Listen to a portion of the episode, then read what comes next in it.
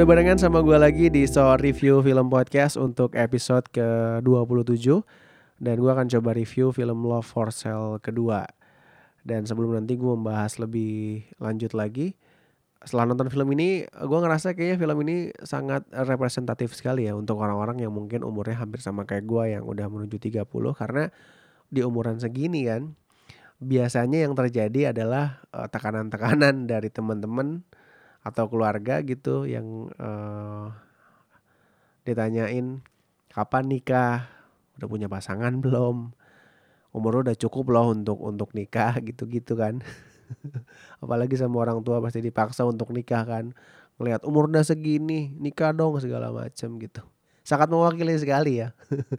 Dan setelah menonton ini mungkin Anda akan Anda akan uh, berpikir ulang lagi untuk menikah, kayaknya gue nikah memang kalau waktunya sudah siap lah ya. Jadi gue akan bisa menghalau tekanan-tekanan yang akan hadir di uh, perjalanan hidup gue gitu. Jadi buat lo mungkin kalau sebelah sama teman atau mungkin ya temen lo gitu sering lu kapan sih nikah kapan nikah suruh nonton ini gitu. Nanti setelah setelah nonton ini dia akan diam pasti. Dan film Love for Sale kedua dibintangi oleh Adipati Dolken. Ada Dila Dartian pastinya ya kemudian ada Ratna Riantiarno, ada Aryo Wahab, ada Bastian Steele, kemudian juga ada pemeran-pemeran pendukungnya kayak uh, Abdurrahman Arif, ada Revaldo, uh, terus juga ada Yayu Unru, ada Egi Fadli, dan ada beberapa wajah-wajah baru yang gue nggak tahu namanya siapa. Dan film Love for Sale kedua ini bercerita tentang uh, Ichan yang berada di tengah keluarga Minang uh, yang mana Ichan uh, dipaksa untuk menikah oleh ibunya. Karena mungkin melihat uh, kakaknya Ichan sudah sudah menikah, sudah punya anak juga, kemudian juga Ichan punya adik udah menikah juga gitu. Dan akhirnya orang tuanya kayaknya harus menuntaskan kewajibannya sebagai orang tua yang menikahkan Ican ini. Cuman Ican susah banget disuruh nikah gitu ya. Dipaksa nikah mulu sama orang tuanya. Dan Adi, Adipati Dolken sebagai Ican atau Indra Tauhid. Kemudian ada Arya Wahab sebagai Endoy kakaknya Ican. Terus Ican punya adik namanya Buncun dipanggilnya Buncun ya. Namanya Yunus kalau nggak salah. Jadi keluarga Tauhid keluarga si Kumbang istilahnya. Keluarga Minang.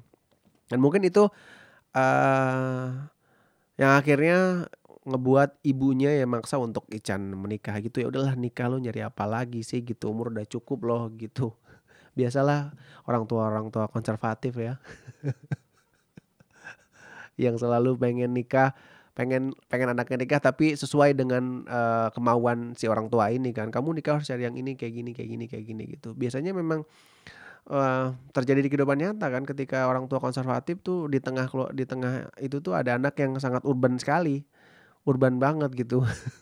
Gue nikah kayak gimana gue aja gitu. Gue pengen gue pengen gue pengen nikah sama orang yang menurut gue gue suka gitu. Walaupun memang uh, bertabrakan sama kemauannya orang tua gitu. Dan ini cerita sangat relate sekali sangat nyata sekali. Jadi gue ngerasa deket banget apalagi settingannya settingannya um, di gang-gang gitu kan ya. Jadi di pemukiman um, daerah Jatinegara Jakarta Timur dan sangat relate sekali untuk orang-orang yang memang tinggal di sebuah gang-gang gitu ya. Untuk orang-orang yang uh, kelas menengah bawah lah. Jadi sangat relate sangat dekat sekali dan bahasa yang dipakai pun uh, bahasa sehari-harinya orang-orang gang lah gitu. Dan hal yang gue suka dari uh, film Love for Sale kedua dari pertama gue udah suka. Uh, dan di pertama gue uh, seneng juga akhirnya melihat Arini ada lagi di film ini dan melihat Mas Richard yang masih berusaha untuk mencari Arini yang uh, backpackeran kan. Dan jadi openingnya uh, memperlihatkan itu uh, Richard yang memang masih berusaha mencari Arini. Jadi uh, setnya adalah di sebuah stasiun. Akhirnya Richard duduk di peron gitu Richard cabut dan Arini datang selisihan gitulah gitu selisihan gitu. Dan gue ngelihatnya adegan itu mungkin kalau menurut gue ya kayak kayak hmm, sesuatu yang lu cari keluar sana lu jauh-jauh nyari uh, sesuatu yang lu pengen padahal sebenarnya ada deket lu gitu. Gimana? Ya gitu sih.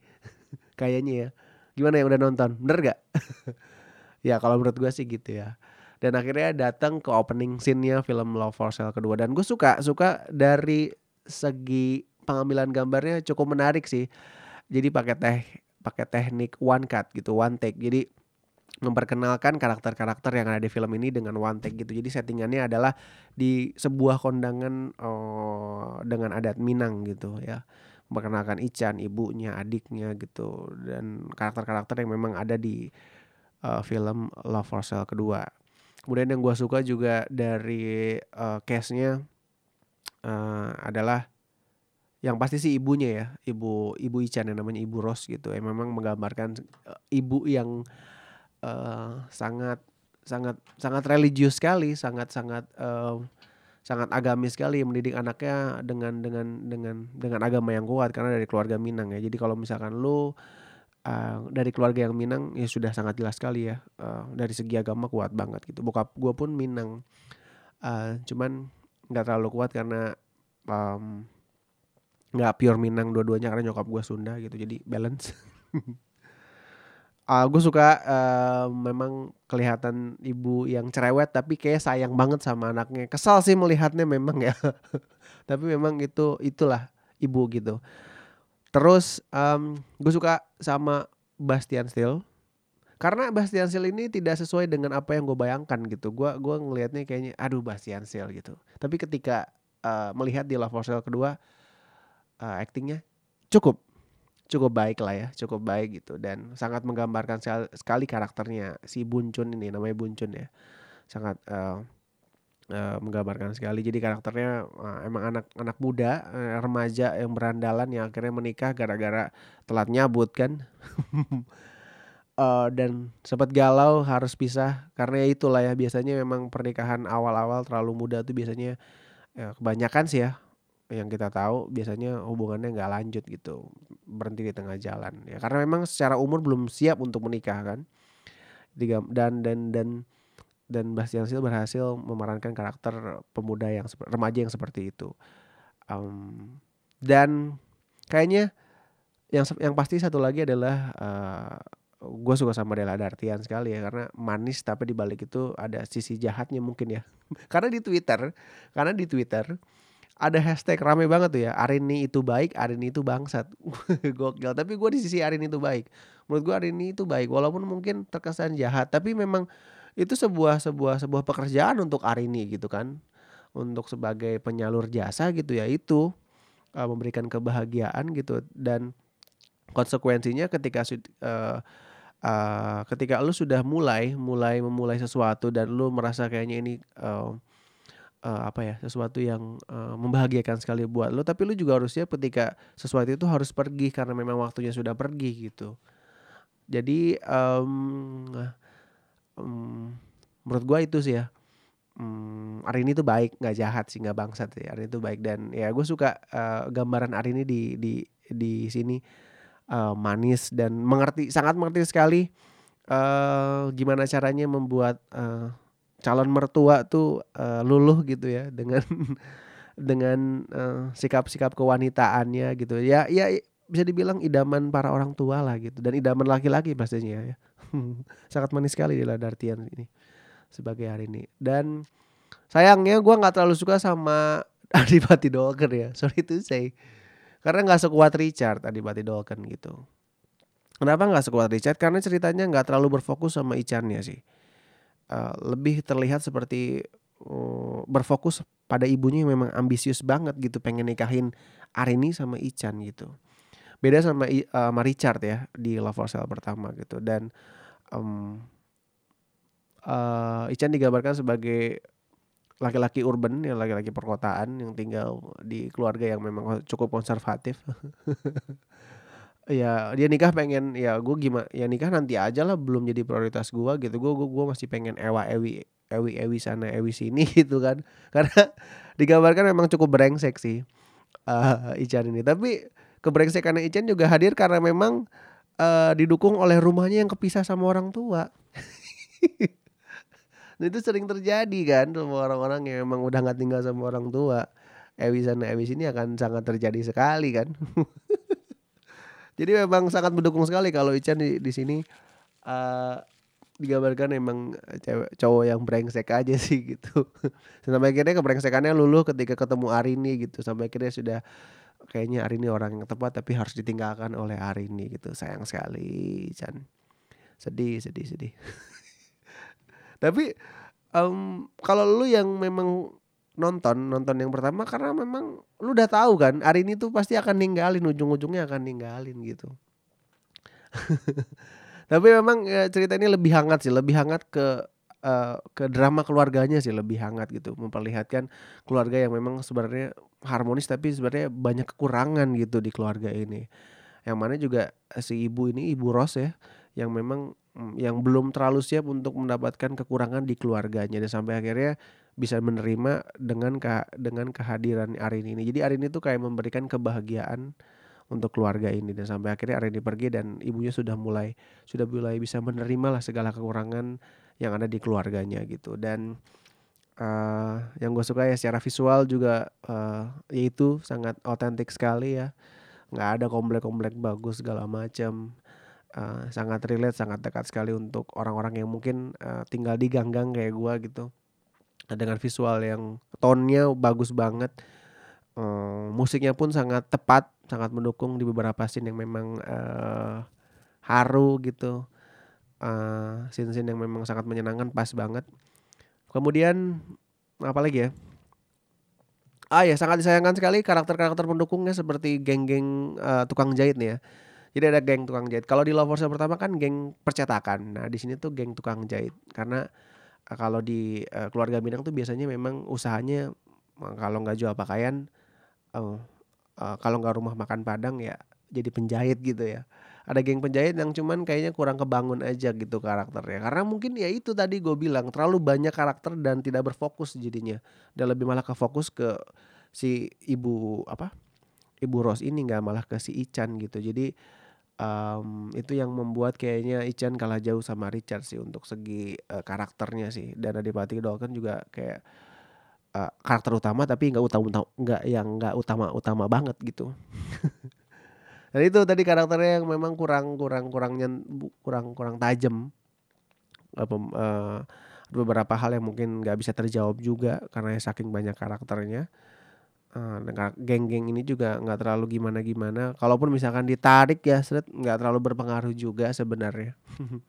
Tapi memang yang dihadirkan adalah kehangatan sih, kehangatan lingkungan, kehangatan di mana uh, intim sekali ya daerah daerah-daerah yang memang uh, pemukiman yang gang gitu rapat-rapat itu sangat intim sekali, sangat peduli satu sama lain dekat gitu. Bukan berarti yang tinggal di komplek tidak peduli satu sama lain gitu. Cuman karena berhubung gue tinggalnya di di gang jadi relate aja gitu.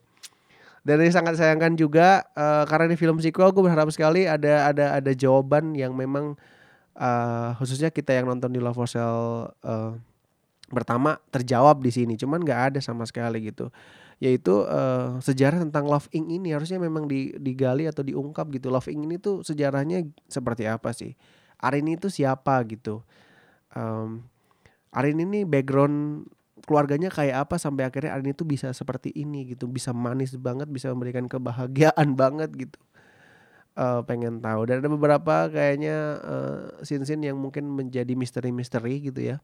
Ada beberapa scene, ada adegan di mana Arin main HP dan melihat sebuah foto, ada dua foto gitu.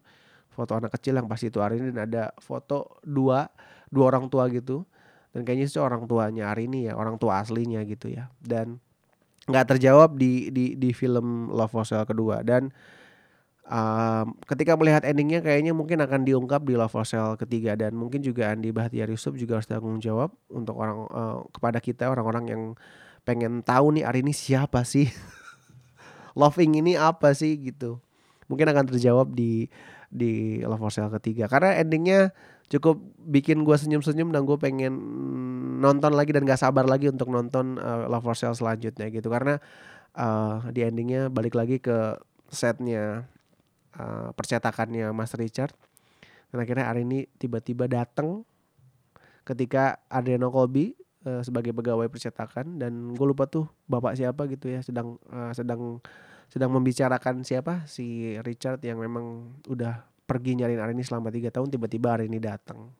Terus udahan. Sangat menunggu sekali bang. Bang Andi Bahtiar saya tunggu. Nanti mungkin tahun depan langsung ada kayaknya ya. Oke. Kita tunggu aja Um, dan ini mungkin menjadi salah satu film romantis drama ya ya film romance yang mungkin agak sedikit uh, horor untuk beberapa orang karena hari ini terlihat jahat sekali. Tapi menurut gua hari ini sangat baik dan sangat bekerja dengan uh, baik sekali sebagai orang yang bekerja di Love Inc. gitu. Jadi hari ini buat gua baik nggak sama sekali bangsat. Karena karena uh, di uh, scene terakhir juga ada narasi kayak ada kayak ada apa sih monolognya um, ucapan-ucapan beberapa kata dari siapa sih hari ini bahwa sebenarnya ini semua uh, kayak ini bukan salah kamu, ini bukan salahku, ini hanya soal waktu. Dan gue lupa tuh sisanya apa. Jadi intinya memang lo gak usah nyalahin siapa pun di sini dan memang sudah waktunya begini ya begini aja dan lewati aja dan gimana caranya kita bisa menerima dan menjalani gitu. Gokil. Ya. Dan gue ngasih rating 7 per 10 untuk uh, film Love for Sale kedua. Dan buat lo mungkin yang nggak nonton yang pertama nggak apa-apa nggak masalah karena nggak terlalu berhubungan banget dengan yang pertama. Jadi uh, masih bisa nonton, nggak akan kehilangan apa-apa gitu, masih bisa nonton dan cukup bagus untuk ditonton juga, nggak nggak nggak jelek. Uh, cuman dari gue 7 per 10 karena gue lebih memilih Love for Sale yang pertama karena Gokil sekali Gading Martin. Anda pun mendapatkan penghargaan kan di film Love for Sale. Oke, okay, dan kayaknya segitu aja untuk review Love for Sale kedua dan terima kasih untuk teman-teman yang sudah mendengarkan dan harusnya sebenarnya episode 27 adalah uh, review Perempuan Tanah Jahanam. Cuman gue tuh pengen uh, nge-review Perempuan Tanah Jahanam tuh berdua aja gitu. Gue pengen ada teman ngobrolnya karena memang cerita gokil sekali sih si Perempuan Tanah Jahanam ini ya. Dan ada satu berita juga yang gue baca uh, uh, ini kan ada ada ada apa? Ada ada andil produser uh, filmnya The Wailing gitu. Uh, dia ikut ikut bekerja sama di film Perempuan Tanah Jahanam karena uh, produser The Wailing ini melihat uh, film PTJ ini uh, tipe film yang mungkin kalau ditonton uh, sekali du, uh, ditonton beberapa kali akan ada kesimpulan-kesimpulan lain. Uh, ketika lu sudah menonton pertama uh, sekali gitu. Jadi ada ada ada pandangan lain gitu, ada sudut pandang yang baru ketika lu nonton dua kali atau tiga kali gitu. Dan um, itu yang ngebuat gue pengen ngobrol sama orang-orang yang memang sudah menonton PTJ dan gue sendiri pun udah nonton dua kali. Dan gue juga pengen ngobrol dari kacamata teman ngobrol gue dari kacamata gue dan kita bisa sharing gitu. Kayaknya seru sih ya. Mudah-mudahan ada temennya yang mau diajak ngobrol mungkin boleh WhatsApp Walaupun mungkin nanti kalau nge-review kayak udah basi tapi nggak apa-apa, ngobrol aja kita ya. Oke, dan terima kasih sekali lagi teman-teman eh, selalu mendengarkan podcast gue dan sampai ketemu nanti di episode selanjutnya. Goodbye.